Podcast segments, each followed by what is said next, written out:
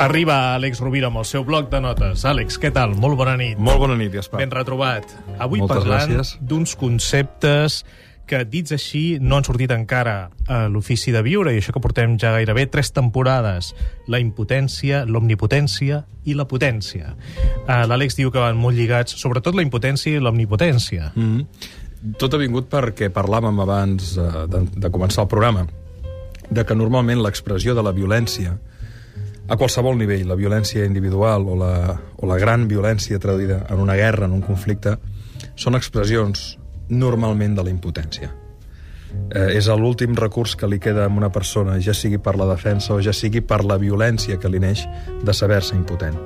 Um, I és important prendre consciència d'això perquè moltes vegades també la omnipotència és el resultat d'una impotència.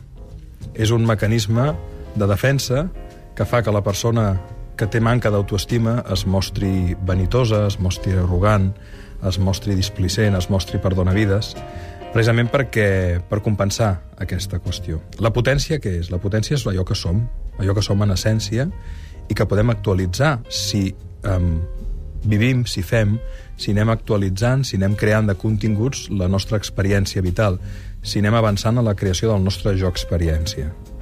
Moltes vegades, des de la impotència, diem no puc, no sé, no m'anirà bé. Això té molt a veure amb les falses creences que vam tocar l'altre dia, no? La impotència està falcada en falses creences moltes vegades, no? Hi ha vegades quan hi ha una impotència real que no pots canviar les coses que voldries, certament. Però en moltes ocasions és una impotència que neix d'una idea.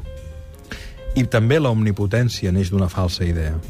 El que se sent superior, el que, el que actua amb una actitud, diguéssim, de despreci en els altres, normalment està posant en els altres, projectant en els altres la seva impotència inconscient. El millor és connectar amb la nostra potència i actualitzar-la, veure de què som capaços a mesura que ens arrisquem i que anem provant noves alternatives a qualsevol dimensió, la dimensió professional, en la dimensió personal, en la dimensió dels efectes. No? I això ens permet actualitzar la nostra potència i abandonar dos, aquests dos elements que tenen a veure amb el jo-idea, la impotència, i moltes vegades amb el jo ideal, que és la omnipotència. Com ara no sóc capaç, en el futur seré capaç. Mm. Aquesta omnipotència aniria molt lligada a la supèrbia. Exacte, a l'arrogància, la, a la displicència, a la vanitat, absolutament. Vull dir, si, si ens hi fixem i analitzem les persones que són molt superbes, superbes, veiem que són persones que probablement ens ve la reflexió de dir aquesta persona potser no el van estimar prou no, quan era petit.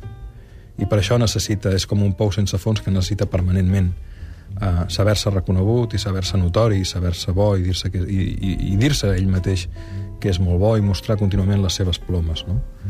hauríem de veure que moltes vegades darrere d'aquesta vanitat tot i que de vegades es pot traduir en un comportament de despreci de l'altre hi ha una profunda manca d'amor per un mateix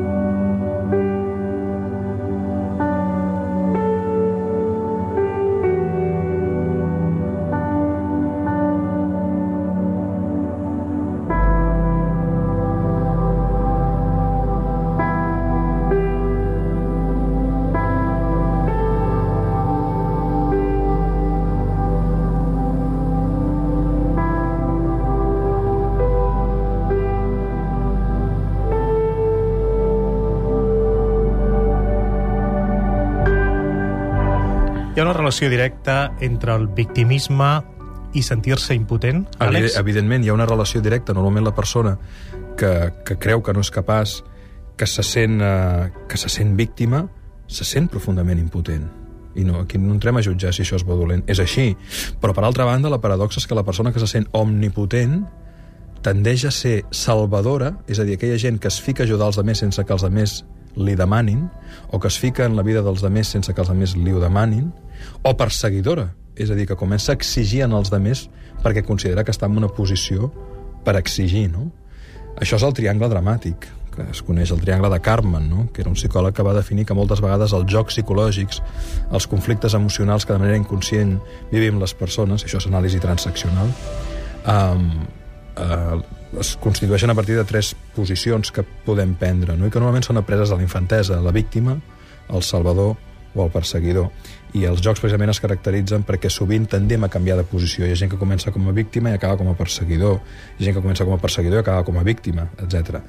I són jocs d'impotència. Quan la persona connecta amb la potència i, per tant, amb la capacitat de parlar per expressar les emocions, per resoldre els conflictes, quan té la potència de ser conscient de què és allò que no va i que podem arreglar. I a vegades això porta temps, no s'arregla d'un dia per l'altre, de vegades ni volem arreglar, però quan hi ha la voluntat d'actualitzar la potència, deixem de jugar.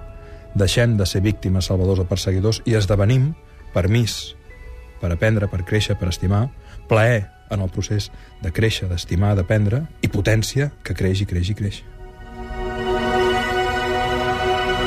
És el bloc de notes de cada divendres a l'Ofici de Viure amb Àlex Rovira. Àlex, ha estat un plaer, com sempre. Per mi també, Gaspar. Que tinguis Moltes gràcies. molt bon cap de setmana. Molt Fins de setmana. divendres. Una abraçada, amic.